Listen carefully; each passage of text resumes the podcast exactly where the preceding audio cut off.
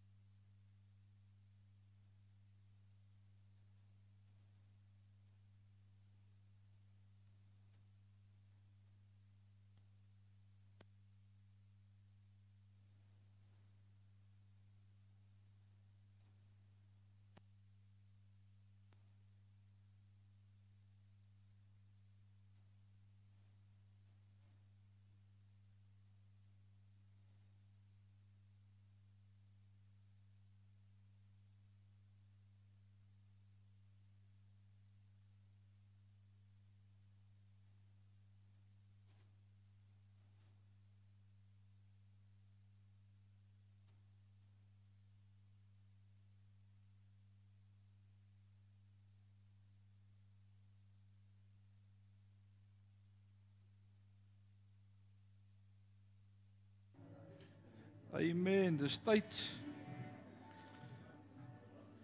Dankie Jock. Amen.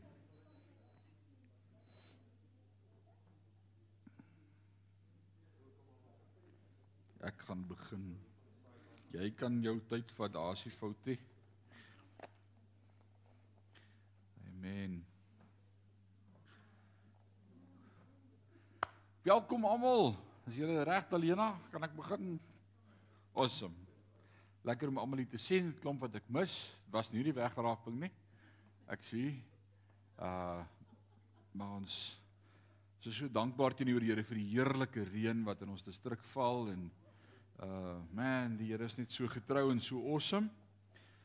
Ons die beste plek vir ons as kinders van die Here bly maar net in die hande van die Here. Uh daar's nie 'n beter plek vir ons as kinders van die Here nie. Kom ons sit net so en dan bid ons saam en dan gaan ons begin. Here God, almagtige skepper van hemel en aarde. Een wat ons geformeer het, die een wat in ons neus kom blaas het, die asem gees van die lewe. Die een wat ons kom wederbaar het deur die bloed van sy seun Jesus Christus wat vir ons gesterf het aan die kruis op Golgotha, maar wat ook opgestaan het op die 3de dag en wat sit aan die regterhand van God die Vader. Die een wat sy Gees vir ons gestuur het, die Heilige Gees, die Parakletos om in u plek by ons te wees en ons te leer en te lei in die volle waarheid. U wat u woord vir ons gelos het, waarvan Johannes ons leer wat sê in die begin was die woord en die woord was by God en die woord was God. Dankie Dankie dat U vanaand met ons praat. Dankie dat U woord vanaand lewendig word in ons midde. Geïnspireer deur die Heilige Gees van God as ons dit lees vanaand dat U met ons sal praat. Dis my gebed. Ons eer U daarvoor in Jesus naam en sê ons sê amen en amen. 1 Korintiërs hoofstuk 3 going nowhere slowly. Uh daar's groei, ouens, daar's groei. Ons gaan vanaand so 'n bietjie anders na die teks kyk. Ek wil vanaand 'n ander invalshoek gebruik om uh goeie eksegese van die teks te doen en met die teks te praat en met die teks te deel. Daar's verskillende modelle, teologiese modelle wat ons kan gebruik as ons teksinterpretasie doen of teks uitleg. En uh ek dink jy het al die by woordskool al die maniere wat ek ken gehoor. So ek wil vanaand net so bietjie die norm breek en ons gaan vanaand so 'n bietjie mediteer oor elke gedeelte. Ons gaan die teks indeel in groeperinge en daaruit leer vanaand en ons gaan vir mekaar in die eerste plek vra en ek weet julle het almal die hoofstuk klaar deurgelees voordat jy gekom het vanaand you prepared students uh of the word so you came prepared Uh en as ek dan nou vir jou moet vra waaroor gaan die 1 Korintiërs 3? Wat dink jy waaroor gaan 1 Korintiërs 3? Nou kyk almal af en gryp na hulle brille en allerlei goeters. Uh alraai, 1 Korintiërs 3 gaan oor een tema. As ons dit kan opbreek uh, en ek wil vanaand uh my onderwysers hoed opsit. En, en vanaand sê die die een tema as ek as ek een woord of een sin so kort as moontlik moet gebruik om om om hierdie hoofstuk op te som dan sal ek daar inskryf by 1 Korintiërs 3 sal ek daar inskryf wees ingelig of wees wys. Dis waaroor dit gaan. Ingelig en wys waaroor? Nou interessant die hele boek Korintiërs is juis geskryf om die gemeente in te lig. Dis waaroor die boek gaan. Dis 'n is 'n inligtingstuk. Dis 'n dis 'n 'n pragtige teoretiese werkstuk wat hy vir hulle stap vir stap rondom sekere temas. Dis 'n pragtige dans wat Paulus besig is om uitklink uit te voer hier met woorde en en elke hoofstuk het 'n ander doel om hulle toe te rus om iets te weet. Uh die eerste hoofstuk het gegaan oor wees wys rondom jou roeping. As jy met iemand wil deel as kind van God oor sy roeping, ons het vanmôre by die by by Sela daaroor gepraat as as uh die woord met ons praat en sê julle is geroep. Julle is geroepenis van jy het nie net die Here gekies of by the way jou hart vir die Here gegee nie, Johan, jy's geroep deur God. Jy's 'n geroepenis. So hoofstuk 1 gaan oor wees wys rondom jou roeping as kind van God. Hoofstuk 2 waarmee ons laasweek afgesluit het, het gegaan wees wys rondom die Christelike boodskap wat niks anders is as die kruis nie. Wees wees wys daaroor. Don't be ignorant concerning the knowledge of the cross. In in vanaand hoofstuk 3 gaan ons praat oor wees wys rondom jou plaaslike gemeente. Uh en dit gaan lekker prakties vanaand rond uh, word. So uh na aanleiding van gisteraand se gesprek was dit besonder om vanmiddag aan aan hierdie stuk te werk vir vanaand en te besef maar dis eintlik waaroor die bediening gaan. So ons gaan vanaand hoor wat sê Paulus vir ons in 1 Korintiërs 3 rondom om te weet waaroor gaan die bediening. Hoe beoordeel ek die plaaslike gemeente en en wat moet in die gemeente wees? Een van my groot uh, inspirerende teoloë ou uh, G Campbell Morgan en toe my studente my gehelp het om my biblioteek wat ek by Dok Horak geërf het uit te pak, het ek 'n paar keer vir hulle gesê julle sit Campbell Morgan se boeke bymekaar. Hy was 'n fenominale Britse teoloog. Uh kom uit die reformatie uit, 'n baptis. Maar sy manier en verstaan van die woord is net so fenomenaal en hy het vier seuns gehad en al vier sy seuns word predikante. Dis great. En 'n verslaggewer loop een van sy kleinkinders raak, 'n kleinkind van Campbell Morgan en hy vra vir hom, "Gaan jy ook 'n predikant werk?" En sy woorde en ek wil dit reg lees is: "Nee, ek beplan te werk vir 'n lewe."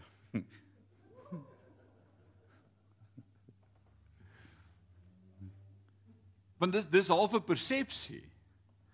Dis half 'n persepsie. Ek ek ek laat so 'n week gelede vir my Mahindra nuwe uh, eh, LED lig opsit hier in 'n dorp by 'n auto-elektriesien en uh, terwyl ek daar staan, small talk, die ou weet wie ek sê van hoorie kan ek 'n persoonlike vraag vir jou vra? Ek sê as dit nie te persoonlik is nie, ja, ek, mag. Hy sê wat doen jy die res van die week behalwe Sondag? en dit is nie veel nie. dis dis 'n persepsie rondom die bediening, is dit nie? Nou net interessant. Ons het vanmôre 10:00 ons Sela woordskool gehad wat so wat Woensdagoggend 'n regtig uh, amazing tyd is in die in die woord. En uh ek het 11:00 daar uitgehardloop in die kerk in. Ons het 'n begrafnis gehad van 11 tot 12 en toe het ek gaan voorberei vir vanaand. En as ek half 8 hier uithardloop, gaan ek na 'n selgroep toe wat ons begin het. So ek is nie ongeskik as ek net nou gaan uithardloop nie. Maar wat waarmee is 'n predikant besig behalwe om Sondag Iemand het eendag mooi gesê, hy sê julle is Sondag onverstaanbaar en die week onverkrygbaar. Dis dis 'n mooi opsomming vir 'n predikant. Uh tongenetjies. Die vraag is wat is 'n predikant veronderstel om te doen en en en wat is werklik die werk van die bediening en en en wat is die bediening en wat doen 'n voltydse leraar? En as ons nie weet nie, uh sal ons nie weet hoe om 'n prediker te evalueer nie. So so hierdie hele 1 Korintiërs 3 is deur Paulus vir ons geskryf. Hy's om te sê waaroor moet dit gaan en waaroor moet dit nie gaan nie en waarmee moet ons besig wees en waarvoor moet ons oppas. Dis fenomenaal as jy die hele Bybel actually vers vir vers lees om te weet dat die Bybel genoegsame inligting op alle temas vir jou gee. Dis dis dis in die woord van God en die Heilige Gees maak dit vir ons helder. So miskien skep geen kwessie meer probleme in 'n plaaslike gemeente as jy is hierdie een nie. Hoe weet ons of die pastor of kerkleiers werklik hulle werk doen? En ek dink dit was die geval gewees in hierdie gemeente in Korinte. Hulle het vir hom 'n paar goed gesê oor wat hulle pastoor doen of nie doen nie uh of uh waarmee hy besig is of nie besig is nie en toe skryf hy vir hulle in hierdie hoofstuk en, en motiveer hulle juis om te sê maar wat is die goed waarmee ons moet besig wees. So met die behulp van pragtige beeldspraak wat ons gaan sien vanaand in hierdie gedeelte van net 23 verse het hy 3 of 4 of 5 beelde wat hy vir ons gaan skets en ek hou van hierdie visuele prentjies wat hy skets want Jesus het so gewerk as hy vir ons die gelykenisse gee. En vanaand gaan hy met ons praat oor die plaaslike gemeente of die gemeente of jou gemeente waarin jy is is eh, en dan het hy drie beeldsprake, drie drie prentjies waarmee hy die gemeente vergelyk. Nou ek dink hy kon baie meer kry as hierdie drie, maar hy vergelyk dit in die eerste plek met 'n saailand. Hy hy sê nee, in die eerste plek sê hy dis 'n gesin. Hy sê die gemeente is 'n gesin, is familie. Alraai. Ons, ons ou koortjie het gesê I love this family of God so closely knitted into one. They've taken me into their hearts and I'm so glad to be a part of this great family. Maar weet jy die reg gegee om met my te praat? nee. Men ek sien my broer se wagter nie. Is daar regtig daai verantwoordelikheid as gesin teenoor mekaar? En dan die tweede beeldspraak wat hy gaan gebruik is 'n saailand 'n land wat geploeg is en en die doel daarvan is opbrengs. En dan die derde beeldspraak wat hy gaan gebruik as ons daarby gaan kom vanaand is 'n tempel. 'n tempel wat gebou word met edelgesteentes en kwaliteit en en so vergelyk hy die kerk met met hierdie beeldspraak. So kom ons begin net vanaand by die begin en ons praat oor eh, die gemeente as 'n gesin en dalk kom ons net so ver vanaand want dit is daarom net vers 1 tot 4. So kom ons praat oor die gesin en en en die doel van hoekom hy hierdie beeldspraak as die gemeente as 'n gesin gebruik is want die doel van in ons paas en maas en ons wat kinders het sal verstaan waaroor gaan 'n gesin is om kinders te bring tot volwassenheid. Dis waaroor dit gaan. Is dit nie die goal in life nie? Uh om kinders te bring by volwassenheid. So hy begin die opskrif in my Bybel sê Paulus en Apollos is nie opponente nie, maar deel van God se taakspan en dan begin hy in vers 1 ek gaan lees tot by vers 4 en dan gaan ons oor daardie perakoop of daardie vier verse gesels want dis die eerste uittreksel uit ons teks uit. Broers en susters, toe ek by julle was, kon ek nie met julle praat soos met geestelike volwassenes nie. So hier begin hy sommer uit die staanspoor uit en hy sê julle is onvolwasse. Ek ek wou graag met julle praat as geestelike volwassenes, but you not there yet. Ek ek, ek kon nie met julle so praat nie. Ek ek moes met julle praat soos met mense wat nog wêrelds is. Soos met kindertjies in die Christelike geloof. En wat 'n aanklag is dit nie vir die gemeente as as 'n godsman dit sê nie. Ek moes julle met melk voed en nie met vaste kos nie.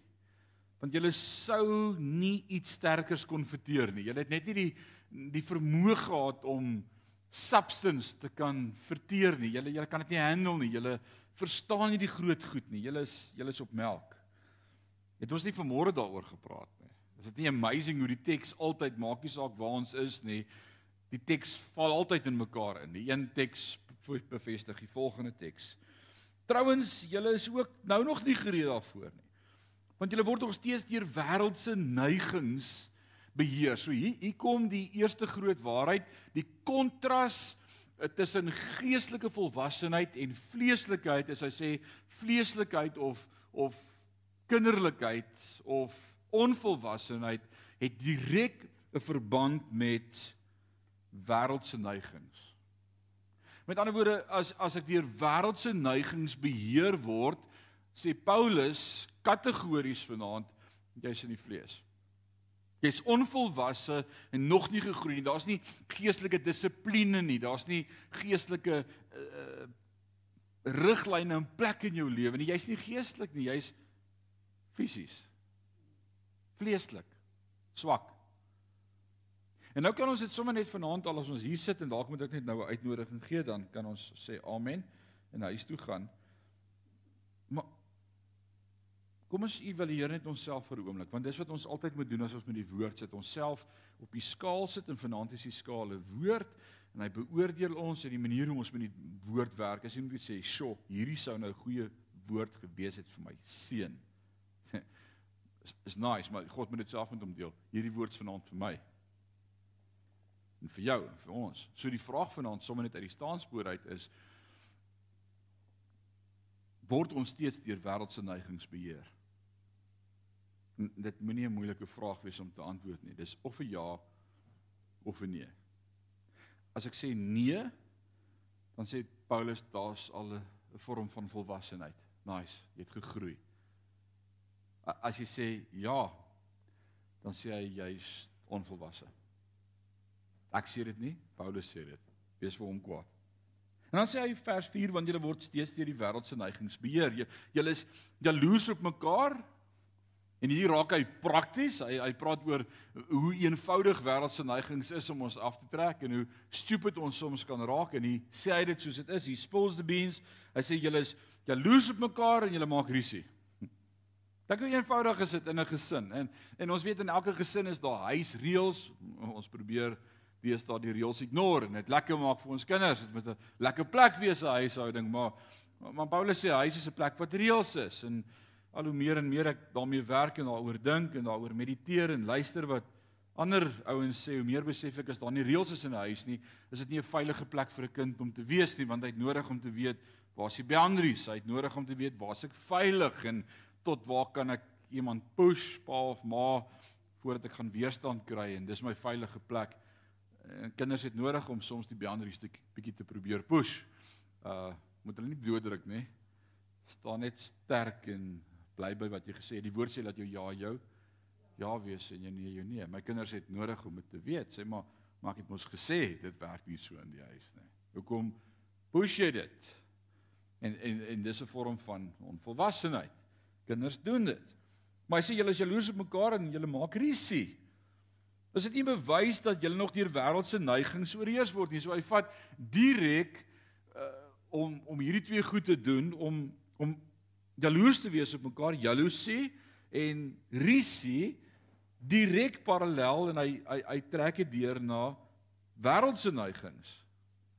En hy sê die wêreld doen dit. Kinders van God moet dit nie doen nie. Volwassenes doen dit nie. Johan, ek is so jaloers op jou oor daai hemp wat jy aan het. Ek wou hom aangetree het, maar ek het nie so hemp nie. Hoekom het die Here jou voorgetrek? Ek hou nie van Johan nie. Dis rarig. Maar maar kinders doen dit. Wil nie maar daai maatjie speel nie. Hoekom nie? Ja, hy kry elke dag 'n hamburger in sy kosblik. Kinders doen dit. Maar nou sê hy vir hierdie gemeente en dis waarvan hulle beskuldig. Hy sê julle is geestelik onvolwasse. Ek ek wou met julle praat oor groot goed, maar liewe genade, ek kan nie want julle is daar's bickering en en julle is julle is jaloers op mekaar en julle julle maak risie. Julle tree op soos mense wat nie aan die Here behoort nie. Hier, hier kom 'n Dit dis hoe ouens optree wat nie aan God behoort nie, wat wat wat nie sê hy's koning van my hart en van my lewe nie. Ja, by hulle kan ons dit verstaan, maar maar julle julle is die gemeente. As as as een sê ek volg Paulus. En 'n ander een sê, nee, ek verkies Apollos. Dan dan tree julle nie op soos mense. Dan dan dan tree julle nie op soos mense wat aan die Here behoort nie. En en hier's hierdie eerste gedeelte, hierdie eerste saak wat hy, hierdie eerste prentjie wat hy skets vanaand. Dis Paulus is reeds hy hy het reeds verduidelik dat daar twee soorte mense in die wêreld is. Daar's jy's of deel van die kerk en van lewe en jy's wedergebore en jy's 'n nuwe skepsel, jy's jy's gered, jy's geestelik. Hy praat van geesmense of jy's in die wêreld en in die vlees en hy praat daarvan as ongered of die natuurlike mens. Dis die natuurlike Adam, die sondige Adam teenoor die geestelike Adam. Dis die twee eh, die twee uiterstes van hierdie pendulum wat swaai. Maar nou verduidelik hy dat daar twee soorte geredde mense is, want dit is eintlik met die gemeente wat hy praat, so hulle is gered, maar hy sê julle tree op soos ongereddes, soos onvolwassenes, so in die geestelike dimensie praat hy met volwasse kinders van God en onvolwasse of vleeslike kinders van God wat my help om te identifiseer. Almal wat vleeslik is is nie in die wêreld nie. Hulle is nog net nie volwasse nie. Alraai. So dit dit dit maak dit eintlik moeiliker. So is hierdie ou 'n kind van die Here of is hy net geestelik onvolwasse? Dis dis dis die vraag. Nou verduidelik hy dit vir ons dat daar hierdie twee soorte is. Ehm uh, die onvolwasse Christen leef vir die dinge van die vlees en stel min belang in die dinge van die gees. En 'n natuurlike uh, sommige gelowige onvolwassenes omdat hulle net dalk vir 'n kort tydjie gered is. So kom ons dink aan redes hoekom iemand geestelik onvolwasse kan wees. Ag sy, hy's nog net 'n maand gered. Wat anders kan jy verwag van 'n newborn? Nou, hy's hy's nog 'n kort tydjie gered. Maar dis nie waarvan Paulus hier praat nie. Hy hy praat met ouens in die gemeente wat al van wie die tyd so hy daar's tyd leraars behoort te gewees het. So dis nie dis nie nuwe kinders van die Here nie, dis ouens wat al jare op die pad is en dalk hoor ek het altyd gesê dalk broer sit jy al vir jare in die pad. Kom uit die pad uit. Laat die Here iets met jou kan doen. Hy het hy het 'n manier gehad om dit te sê. So Paulus was die geestelike vader wat hierdie gesin tot stand gebring het in 1 Korintiërs 4 vers 15 sien ons hy het hierdie gemeente geplant en hy was die pa van hierdie gesin. So dis hoekom hy met autoriteit kan optree want hy weet van wie die tyd wat moes al gebeur het maar dit het nie gebeur nie. En dis juist waaroor hy besig is om te gepraat. En in gedurende hierdie 18 maande wat hy in die Korinte gebied was en daar bedien het het Paulus probeer om sy geestelike kinders te voed en hulle te help om in die geloof volwasse te word. Net soos 'n menslike gesin almal help die baba voer. Nou as daar 'n newborn in 'n familie is 'n babietjie dan almal maak beurte met die baba. Oupa en ouma's daar en is koetjie koetjie en die elpie bottel drink en jy's dis soos gister wat ek onthou Christian. Kyk, hy was 'n moeilike eter, 'n pikkie eter gewees. Hy tot op 2 jaar net maalvleis geëet. Maalvleis. Hy hy toe hy begin, dit was eers ryspap en toe is dit mos nou purities, toe hak hy vas op pisang, pisang purity. Wil nie ander druk hy so uit met die tong, jy weet mos. En toe proe hy maalvleis en toe hou hy vas by maalvleis en dit moet net maalvleis wees. En uh ek sukkel vandag tog om hom iets anders te laat eet, maar en dan voer almal en almal probeer en my ma sê nee man julle weet nie hoe om met kinders te werk nie dat ek julle wys en dan smile ek hulle net maar almal se aandag gaan na babas toe. Wat wat wil ons doen met die baba? Wil ons hom 'n baba hou? Vandag sê ons hoekom het ons nie, maar Hulle word groot. Ja, almal se fokus op babas is om hulle te laat groot word. Ons wil hulle moet groei en hulle moet sterk word en hy's nog so groot dan sê ons nee, hy gaan so lank word soos sy pa. Hierdie ou gaan rugby speel. Nee, hierdie ou se ons ons sien hulle groei. Almal het iets te sê oor hoe dit wat hy gaan wees in die toekoms. En en dis wat Paulus hier probeer met hierdie geestelike familie. Nou vra ek, wat is die teken van volwassenheid? Want hy praat in familieopset met ons as kinders van die Here as gesin van 'n kerk eh, nou wat is die teken van volwassenheid dat jy nie meer 'n baba is nie? Jy begin vaste spys eet. Jy tande ontwikkel. Jy kou die vleis en daar's groei in jou. Hoe as as my seentjie nog steeds ryspap eet vier keer 'n dag in in 'n bottel drink met alle respek Gaan jy vir my sê hoe oud is hy? Maar maar die teken van volwassenheid en hy is nou op daai ouderdom, my oudste seun wat hy sê ons verstaan nie hoe werk scramble eggs of eiers nie. Hy sal sy eie eiers bak want hy het dit vir YouTube. YouTube is 'n fenominale tool. Uh ek soek wat ek vir hom wil sê deesdae op YouTube en forward vir hom die link en ek sê wel YouTube sê so nie ek nie. Dit dit dit werk fenomenaal want Hy het geresearch, dis sy ander woord deesdae, is I did some research. Julle ou mense. Ek luister my seun, as die Here wou 'n rekenaar met jou grootmaak, het hy net vir jou 'n PC gegee met YouTube op, maar hy het vir jou hierdie pa en hierdie ma gegee. Uh, maar ons moet tools gebruik om met hulle te werk. Hulle is mos nou volwasse. En en en deesdae is dit net steak. Grass fed steak. Want he wants to cut, he wants to build en ons gaan gym. Ongelukkig die invloed van vriende, ek sal later met hulle deel. Hulle is hier. Ehm uh, maar dis dis deel van die groeiproses. En as dit so snaaks ek ek smaal net want want ek sien hoe hy oorgaan in maturity. Hy is nie meer die baba vir wie ons die reispap moes voer nie. Ek ek wonder nie meer as hy volwasse is nie. En as ek getwyfel het en ek my stem dik maak, dan staan hy net so reg op want hy's langer as ek dan sê hy sê weer. Sê ek my seentjie. Ek was in die army. maar maar daar's volwassenheid. Alraai, so so die teken van volwassenheid wil, wil ek sê is is is jou dieet. Your diet is is is a, a sign of maturity. Let's let's let's put it into the spiritual realm. Uh wat eet ek as kind van God? Wat is my spys? Waarmee voed ek my siel en en en waar vind ek my krag? Dit sê vir my of ek 'n volwassene is. Die die die, die tannie in Bloemfontein wat vir my gesê het, pastoor, ek het dit iewers gelees het asof jy huisgenoot of die Bybel. Dit dis nog 'n groot verskil, maar dit sê vir my iets van jou volwassenheid, want as ek die huisgenoot quote Ons al fout met my volwassenheid. Maar as ek kan sê daar staan geskrywe en ek staan op die woord van God, nou dan dan is dit 'n teken van okay, jy's jy's in die woord. Jy jy's geanker in die woord. So wat is die verskil?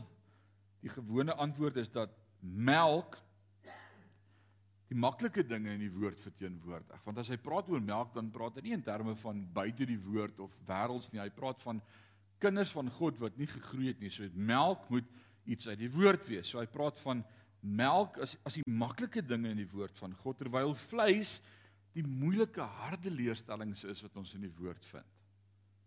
Melk sal wees die wie Jesus het die 99 skapies gelos en na jou kom soek.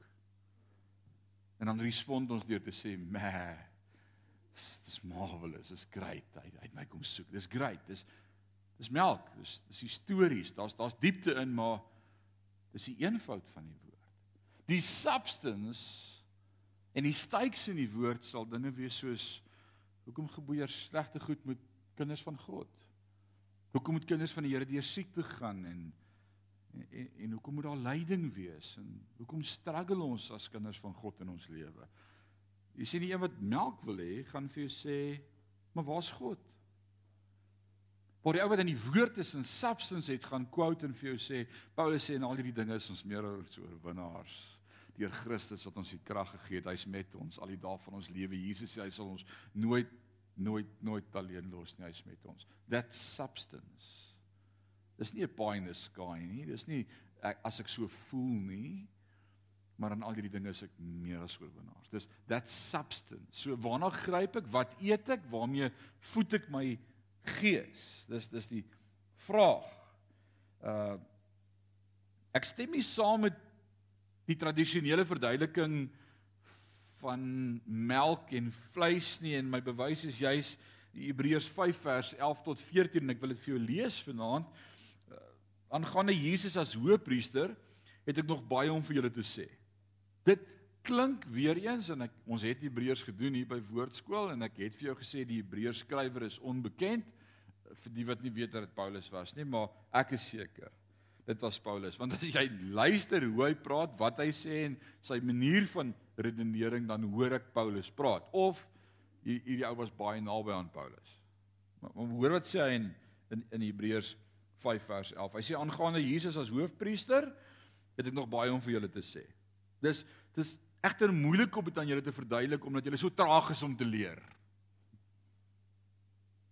As as 'n mens dink aan hoe lank jy reeds gelowig is, moes jy eintlik al self onderrig in die geloof gegee het en en nou het 'n mens werklik waar weer nodig om julle die mees elementêre aspekte van die woord van God te leer. Julle is soos babetjies wat nog net melk kan drink en nie vaste spys inneem nie. Hoor jy Korintiërs, hoor jy Paulus praat? Hoor jy dieselfde it's the same method of reasoning, dis dieselfde argument. Vers 13 sê mense wat nog van melk leef kan nie werklik saam praat oor die suiwer leer nie. Maar is dan nog maar net kinders.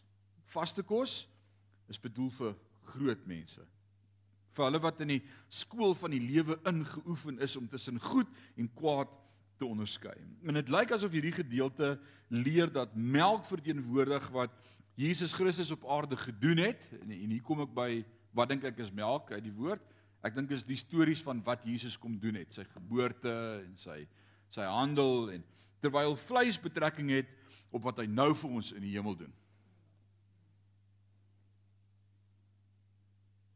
Dit dit dis hoe ek vir my die onderskeid tref tussen melk en vleis. Hoe vertel weer vir ons daai stories van die van die visse en die broodjies. Ah, oh, so mooi. Ja, dit is melk. Dis dis nice, maar melk.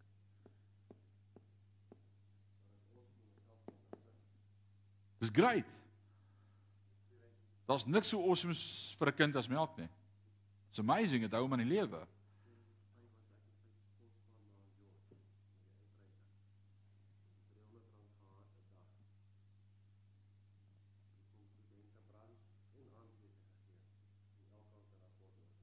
It's amazing. Dis dit doen doen hy dit nog steeds. Dis 'n dis 'n werklikheid, dis wie hy is. It's amazing. Maar substance en styk is wanneer ek sien hoe God daai kind wat uit 'n gebroke ouerhuis kom en 'n pa en maat wat hom verwerp en by tannie groot maak en sit met selfverwyd en 'n selfbeeldprobleem hoe die Heilige Gees hom vat en hom verander en transform na geestelike wese toe wat weet wie hy is in Christus en wat opstaan onder die krag van God en sê ek ek voel ek het 'n woord wat ek moet sê. Dis substance en en, en daar's dogma agter dit en daar's dis great. Right, is dit nie so nie?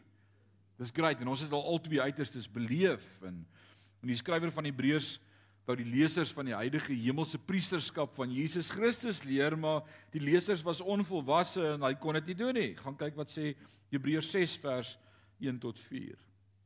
So die woord van God is geestelike voedsel. Kan ons sê ja? Dis wat ons hier doen vanaand, ons het kom eet. Dit is 'n restaurant hier en hier is die menu. Dis wat ons hier doen elke week. Alraai, dis hoe ek so lyk. Like. Die woord van God is 'n geestelik geestelike kos. Kom ons kom ons vat 'n paar prentjies waarmee die woord van God vergelyk kan word uit die Bybel uit. In die, in die eerste plek wil ek sê met melk. 1 Petrus 2 vers 2 vergelyk die woord van God soos die suiwer melk waarna pasgebore baba smag. Daar's daar's iets vir 'n baba om te sê ek soek melk. Dok hoor ek het dit altyd so mooi gesê en is so waar jy hoef nooit vir 'n baba wat honger is te sê skree nie. Inteendeel jy wil hom sê bly net stil. En, en as God regtig in iemand se hart inklim en sy lewe verander, dan's daar 'n honger na die Here. Jy hoef nie vir hom te sê jy moet nou honger raak vir die Here nie. Dis soos ek is honger. Het julle bid hier? Is daar kerk vanaand? Hoe laat sal die kerk oop en, en en wat gebeur en hoe kan ek betrokke raak? Daar's daar's 'n honger. Jy hoef nie vir 'n baba te sê jy moet honger wees nie. Daar's honger. So dit word vergelyk met melk. Jesus sê in Matteus 4 vers 4 ek is die brood van die lewe. So dit dis die woord word vergelyk met brood in in in Hebreërs 5 vers 11 tot 14 word dit vergelyk met vleis, steaks, die substance in die woord van God. Selfs in Psalm 119 vers 103 word die woord van God vergelyk met heuning. Hè. U u naam is soos heuning vir my siel. Dit man, jy moet as jy nog nie 'n heuningkoek gekou het nie, jy weet nie waarvan ek praat nie. Gaan koue heuningkoek. Uh kry mens dit nog? Daar's niks soos 'n heuningkoek kou nie. Dis kan ek nie vir verduidelik nie. Net soos 'n fisiese mens 'n gebalanseerde dieet nodig het om sy liggaam gesond te hou en ons het vanaand 'n dieetkundige in ons middag het daar ingevoer spesiaal vir hierdie gesprek. So die innerlike mens 'n gebalanseerde dieet vir geestelike voedsel nodig. Jy kan nie net alles by jou mond en drink en dink jy gaan gesond wees nie, reg of verkeerd. Maar ons dink ons kan al die geestelike junk en alles wat ons hoor en sien en is alles geestelik. Nee, nee, nee, nee. Jy kan nie. Behalwe begin met melk, want dan groei hy en sy tande ontwikkel, hy kry vaste kos en moet die regte kos eet. So dis moeilik om 'n gelowige se geestelike volwassenheid en onvolwassenheid te bepaal as jy nie weet wat se dieet hy volg nie. So ons kyk na die dieet om te sê, okay, hierdie is is maturity. Ja nee, hy verstaan iets van so so as ons sekere vrae vra dan dis dis vir my altyd 'n barometer as ek berading moet doen om om om te weet waar is jy geestelik is. Ek sal vra vra soos Johan, vertel 'n bietjie vir my hoe werk jy uitverkiesing? O oh, nee, ek raak nie betrokke in sulke goedes nie. My oupa was in daai kerk en hy oor die uitverkiesing en daai dominee het sy kop se deur mekaar gepraat. OK. But if you understand it, it's substance and it changes your life. Om te weet God het my gekies voordat ek hom gekies het. En dat voor die grondlegging van die aarde hy my naam geroep het en ek syne is in Efesiërs 1 leer vir my geseënd is die God en Vader van ons Here Jesus Christus wat ons uitverkies het voor die grondlegging van die aarde wat ons verordeneer het wat ons geroep het wat ons gered het wat in ons begin het te werk. En Filippense 1 vers 6 sê daai werk wat in jou begin het gaan hy klaarmaak. Dis substance Dis nie o nee, ek weet nie wat gaan nou met die kerk aan nie. Jy weet, dis that's substance. That's who he is, not who he was. Dis dis wie hy is. Dis substance, ouens. En ek dink dis wat ons by woordskool probeer doen met die woord om dit te dissekteer en vir jou te sê groei. Maar jy moet wil kou. Ek kan nie vir jou kou en dit insluk ook nog nie. Partykeer sê ons dit vir ons kinders, as jy die kos so moet fynste, moet ek dit nog vir jou kou ook. Ek quote net Paulus vanaand. Alraai.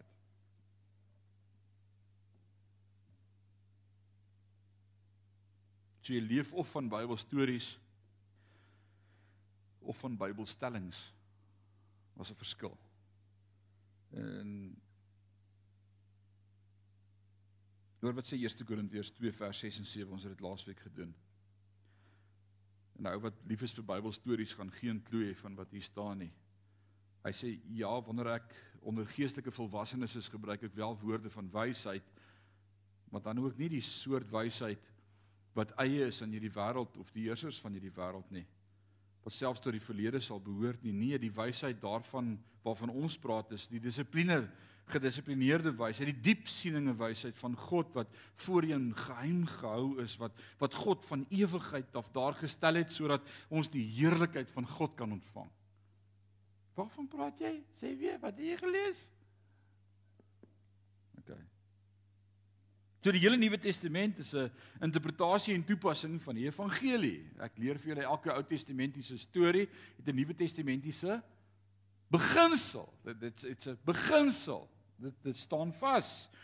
Paulus het Romeine byvoorbeeld nie geskryf om vir die Romeine te vertel hoe om gered te word, nê? Die die doel van die boek Romeine, want hulle was reeds heiliges en hy het vir hulle geskryf om vir hulle te verduidelik wat werklik betrokke was by die daad van bekering en wat regtig gebeur het en hoe dood jy eintlik was, maar wat God eintlik vir jou kom doen het en wat die doop eintlik vir jou beteken en, en hoe ver jy eintlik van God geskei is, maar hoe awesome dit is dat as jy eintlik verstaan dat niks jou weer kan skei van die liefde van Christus nie. So die die doel van wat hy skryf is nie om vir hulle te vertel julle gaan hemel toe nie. Dit sou ons vir die graad 1s gedoen het. Hierdie is die matriek hoërgraad klas en hy sê vir hulle kom ek vertel vir jou hoe dood was jy. Maar ek vertel vir jou hoe God jou kom lewendig maak. Dis die substance van die woord. Dis die goed wat my oë laat begin tranerig raak. En vir my sê ons God is so awesome God. Die diep leerstellings dit wat ons nie kan begin om te begryp nie. Right. En daar is nog 'n manier om volwassenheid te bepaal behalwe die voeding en dit wat jy eet, jou menu. Uh Christian bestel nie meer van die kiddies menu af in Spur nie. Ek terg hom baie as ons gaan uit eet. As die waiter kom en hy sit hier langs my en hy bring die menus en sê ek hoor jy skuis het jy vir die man 'n kiddies menu. Hy word rooi en groen en blou. Hy is nie meer 'n kiddie nie. Alraai. Daar's daar's nog 'n manier hoe ons geestelike volwassenheid, Christense volwassenheid kan beoefen. Die die volwasse Christen beoefen liefde en probeer om met almal oor die weg te kom. Ek sê dit nie. Julle het almal kinders of kinders gehad of was kinders. Kinders hou nie daarvan om saam te speel nie. Dit's lekker vir 'n rukkie, maar maak hulle mekaar baie kwaad. Sy het my gevat. Dis wat kinders doen. En, en kinders identifiseer graag met helde, nê, superheroes. Uh ons sing deesdae by ons sonnaskool Christelike koortjies oor superhelde want ons dink dis wat ons kinders net het nodig het om te hoor en en, en vir ons uh, ja, hulle identifiseer met helde en dan sê een Batman en een is Superman en die een spring van die dak af en breek amper sy nek want hy dog hy Spider-Man en dis is soos jy kan nie Spider-Man wees nie. Kinders doen dit. Hierdie gemeente identifiseer met hulle helde. Die die kinders in Korinte het beklei oor watter prediker die beste was. Party het gesê ons is in Paulus se gemeente.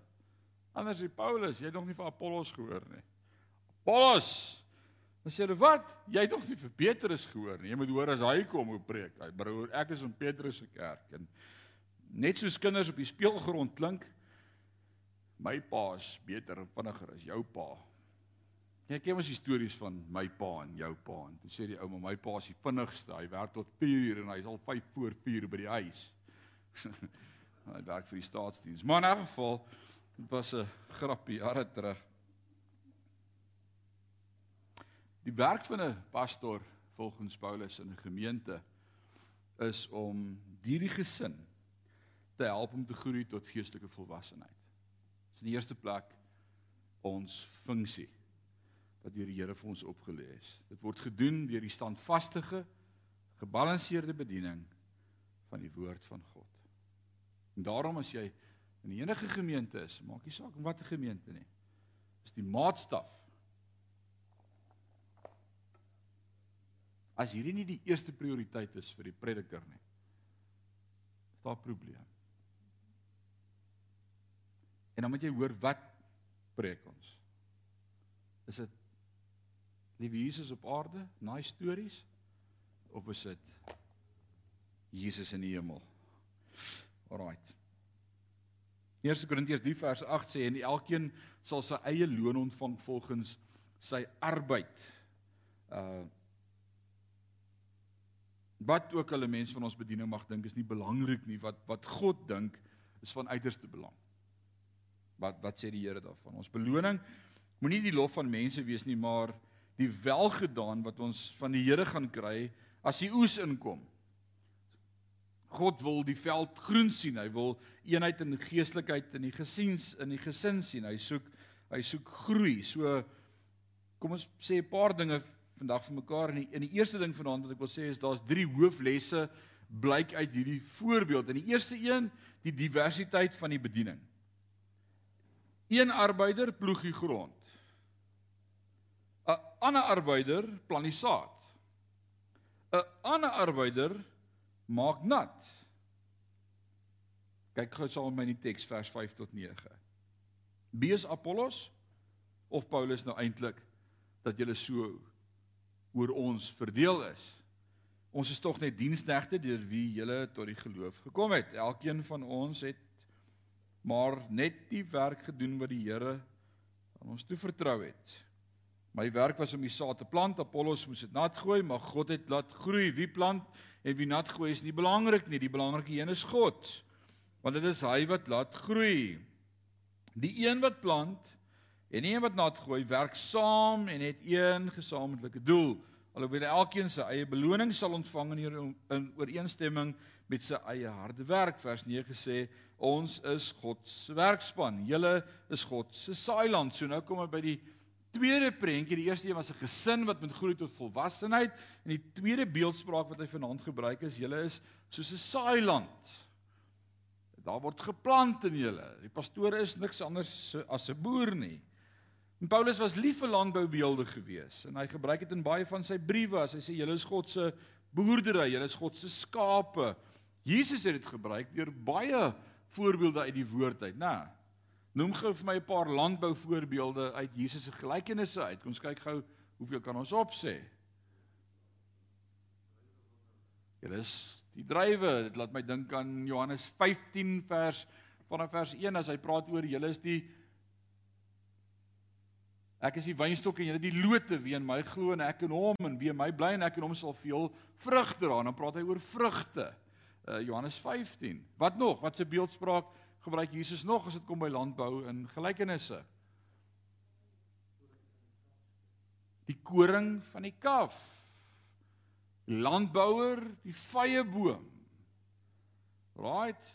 Die saad wat op vrugbare grond val en die oes wat dit oplewer. Party sal wees 100voudig, 60voudig, 30voudig.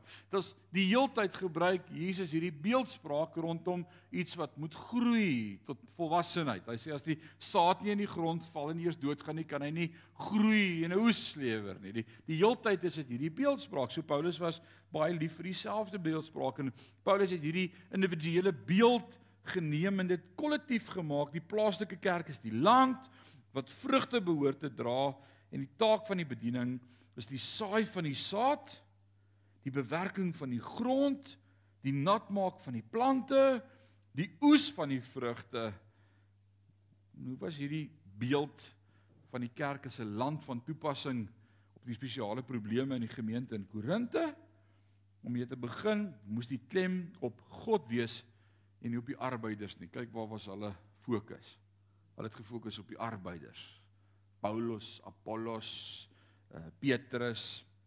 En hulle was nie die dienaars gewees. Dit was God wat lewe gegee het aan hulle pogings. Selfs die geloof van die gelowige, sê 1 Korintiërs 3 vers 5 was 'n gawe van God. Dis verkeerd om die aandag op die bedieners te vestig. Kyk eerder na die Here van die oes, die bron wat alles seën. Let op die klem in hierdie paragraaf op toename of groei. So so 'n paar interessante frase ek hieroor dink wat by my oppop en help my vanaand. Een, een wat ek wil vra is waarom predikers statistieke vergelyk.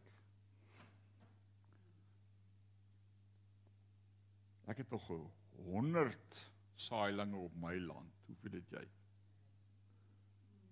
Regtig? Praat julle boere so met mekaar? Dit dit is mos God se saak. Dis nie my land nie, dis sy land. Ek onthou toe ek by Badplaas vakansie hou en daardie derde oggend wat ek en die buurman staan in die oggende langs die vuur Wensel en uh 'n bietjie gedagtes uitruil en ons praat hieroor en daaroor en hy by die derde oggend besef Ek weet alles van hom en sy gesin en sy vrou en sy kinders en alles en wat hy doen en wat sy doen en waar hulle bly en waar gaan werk en alles. En na die derde oggend toe stop hy en hy sê vir my: "Hoorie maar, wat doen jy?"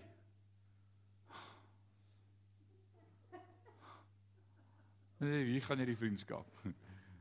Ek wou nou 'n disipel maak van hom sonder om vir hom te preek. Ek sê: "Jong, ek boer." Hy sê: "What's amazing, ek glo boerdery. Waarmee boer jy?" Ek sê skape. Skape, wat se skape? Ek laf skape. Nou ek kon nie onthou of dit of dit 'n dorper of 'n dorser is nie. So ek wil nie verder lieg oor skape nie. So ek sê vir hom, "Jong, ek het skape en bokke by my." Dis is bokke. Ek laf bokke. Wat is bokke? En ek en ek was dit die pas en sê vir hom, "Ek se predikant." En terwyl hy sy stompie doodruk in die vuur gee, hy so knoop En hy sê hoor die ketel kook en, en hy's weg en, en daar verloor ek hom. En daai middag iewers sê hy vir my Parys, is jy predikant in Parys? Hoe groot is jou gemeente? En ek dink hierdie is dalk nou my laaste kans om 'n preek in te kry. Ek moet dit nou inkry. Is 'n vraag. En ek sê vir hom jong dat ek nou eers tel uh Ja, ons is daar's daar's 3 in my gemeente. 3. Sê ja, ons groot gemeente. 3. Ek ek kan sien hy is baffled. Hy sê 3. Ek sê vir hom Wensel. God het my my vrou gegee en my twee seuns. En ek is die priester in die hoof van my huis. En ek moet sorg dat daai drie eendag saam met my in die koninkryk gaan wees. Dis my gemeente. O, Sondag is ons meer, ja. Maar ek is pastor van drie. En I'm proud to be to be the pastor. Dis deel van die stakes in die lewe. Great. Paulus kom en hy gebruik hierdie beeldspraak en ons gaan volgende week verder praat oor die beeldspraak van die saailand en dan kom ons by die tempel en dis 'n great deel. Ons gaan dalk 3 weke met hierdie teks besig wees. Ek wil jou vanaand vra sommer net. Dan kom ons dink vir 'n oomblik daaroor en dan gaan ons daaroor bid. As deel van die gemeente, kom ons evalueer onsself vanaand en sê maar hoe hoe volwasse is ek? Is ek nog besig met onderlinge bickering en raak upset en speel nie lekker met die maatjies nie en raak jaloers? Partykeer gooi ons selfs ons geestelike gawes rond as speelgoed om te sê maar my speelding is mooier as joune. En ek onthou toe ek net jonk gered was en in die kerk was as musiekdirekteur was was dit my attitude op die verhoog en God moes my red daarvan om te sê maar by 'n band speel nicer as julle band en en ons sing nuwer koortjies as julle gemeente en ons ons sing dit nicer en uh, ek speel beter as jy en dit is soos regtig waar kom jou talent vandaan? Is dit nie van God af nie? Ja, maar dis wat ons doen as ons speeldinge kry. Dis kyk hoe mooi is my karretjie. En dan groei ons na volwassenheid dan besef ek alles wat ek het is net genade en is net van God vir my geleen en maar ek kan dit in 'n oomblik verloor. Dis volwassenheid. En en en mag ons groei na volwassenheid. Dit is my gebed vir ons vir hier en vir elkeen wat saam luister en later hierna gaan kyk is. En dis my hart vir Sion is ons 'n plek sal wees waar volwasse mense kom connect met God en sy woord hoor en hier uitstap en kan gaan sê so sê die Here. Kyk na my lewe, daar's volwassenheid, daar's vrug. Ek is 'n saailand. God saai, hy gebruik verskillende mense om te saai. Hy gebruik my en Marius en hy gebruik baie mense om te saai. En dis baie keer daai ou van wie jy nie like as hy preek nie wat jy dalk juis nodig het. En dit is hoe die Here met my gewerk het in my lewe. Ag, nee, nie wil weer daai ou nie en dan sit soos, "Jo, dit slaan hard want want dis wat God wil hê moet hoor." Let us grow. Dit was vanmôre die tema, dis vanaand die tema. Kom ons kom ons groei. Ons kom verby die kinderlike dinge en die kindergoed en ons sê Here God, ek wil 'n verhouding met U hê. Ek soek U teenwoordigheid. Ek ek soek substance in my lewe. Ek soek U woord. Ek wil as ek my mond oopmaak dat dit sal wees so strome van lewende water wat uit my binneste vloei. Ek ek ek wil ek soek U gees. Kom ons bid saam. Here God, die woord is kosbaar. Die woord is 'n tweesnydende swaard wat die woord sê in dring tussen murg en been en en en die en die gedagtes en die oorlegging van die hart ondersoek en En U weet alles. By U is alles oop en bloot en is bekend en ons kan nie eers vanaand dit ontken nie. Inteendeel, die woord sê mense hart is die bedrieglikste van alle dinge. Want selfs dit wat ons dink, hoekom ons dinge doen, is nie altyd die waarheid nie. Maar U ken ons. Dankie vir U woord en dankie dat Paulus ons nie spaar nie. Dankie dat hy nie met ons praat soos kinders nie, maar vanaand die stakes uitdeel en Ons wil dit vanaand vat en sê Here, help ons om te groei in die Gees. Van weer die tyd ja, ons moes al leraars gewees het. En ons bely ons is nie. Ons bely ons talm en is lekker om bedien te word, maar help ons dat ons sal groei tot daai volwassenheid dat ons ook ander kan voer en kan voed en sien hoe ander kinders groot word en reuse word in die koninkryk. Ons eer U vir U woord. Dankie vir die Heilige Gees wat die naadprediker is en ons leer en lei in die volle waarheid. Word verheerlik vandag ons vanaand in u liefde. Dis my gebed in Jesus naam en sê ons sê amen en amen. Great. Volgende week spring ons in, dan gaan ons aan. Is dit reg? Great. Love you all. Die Here seën julle.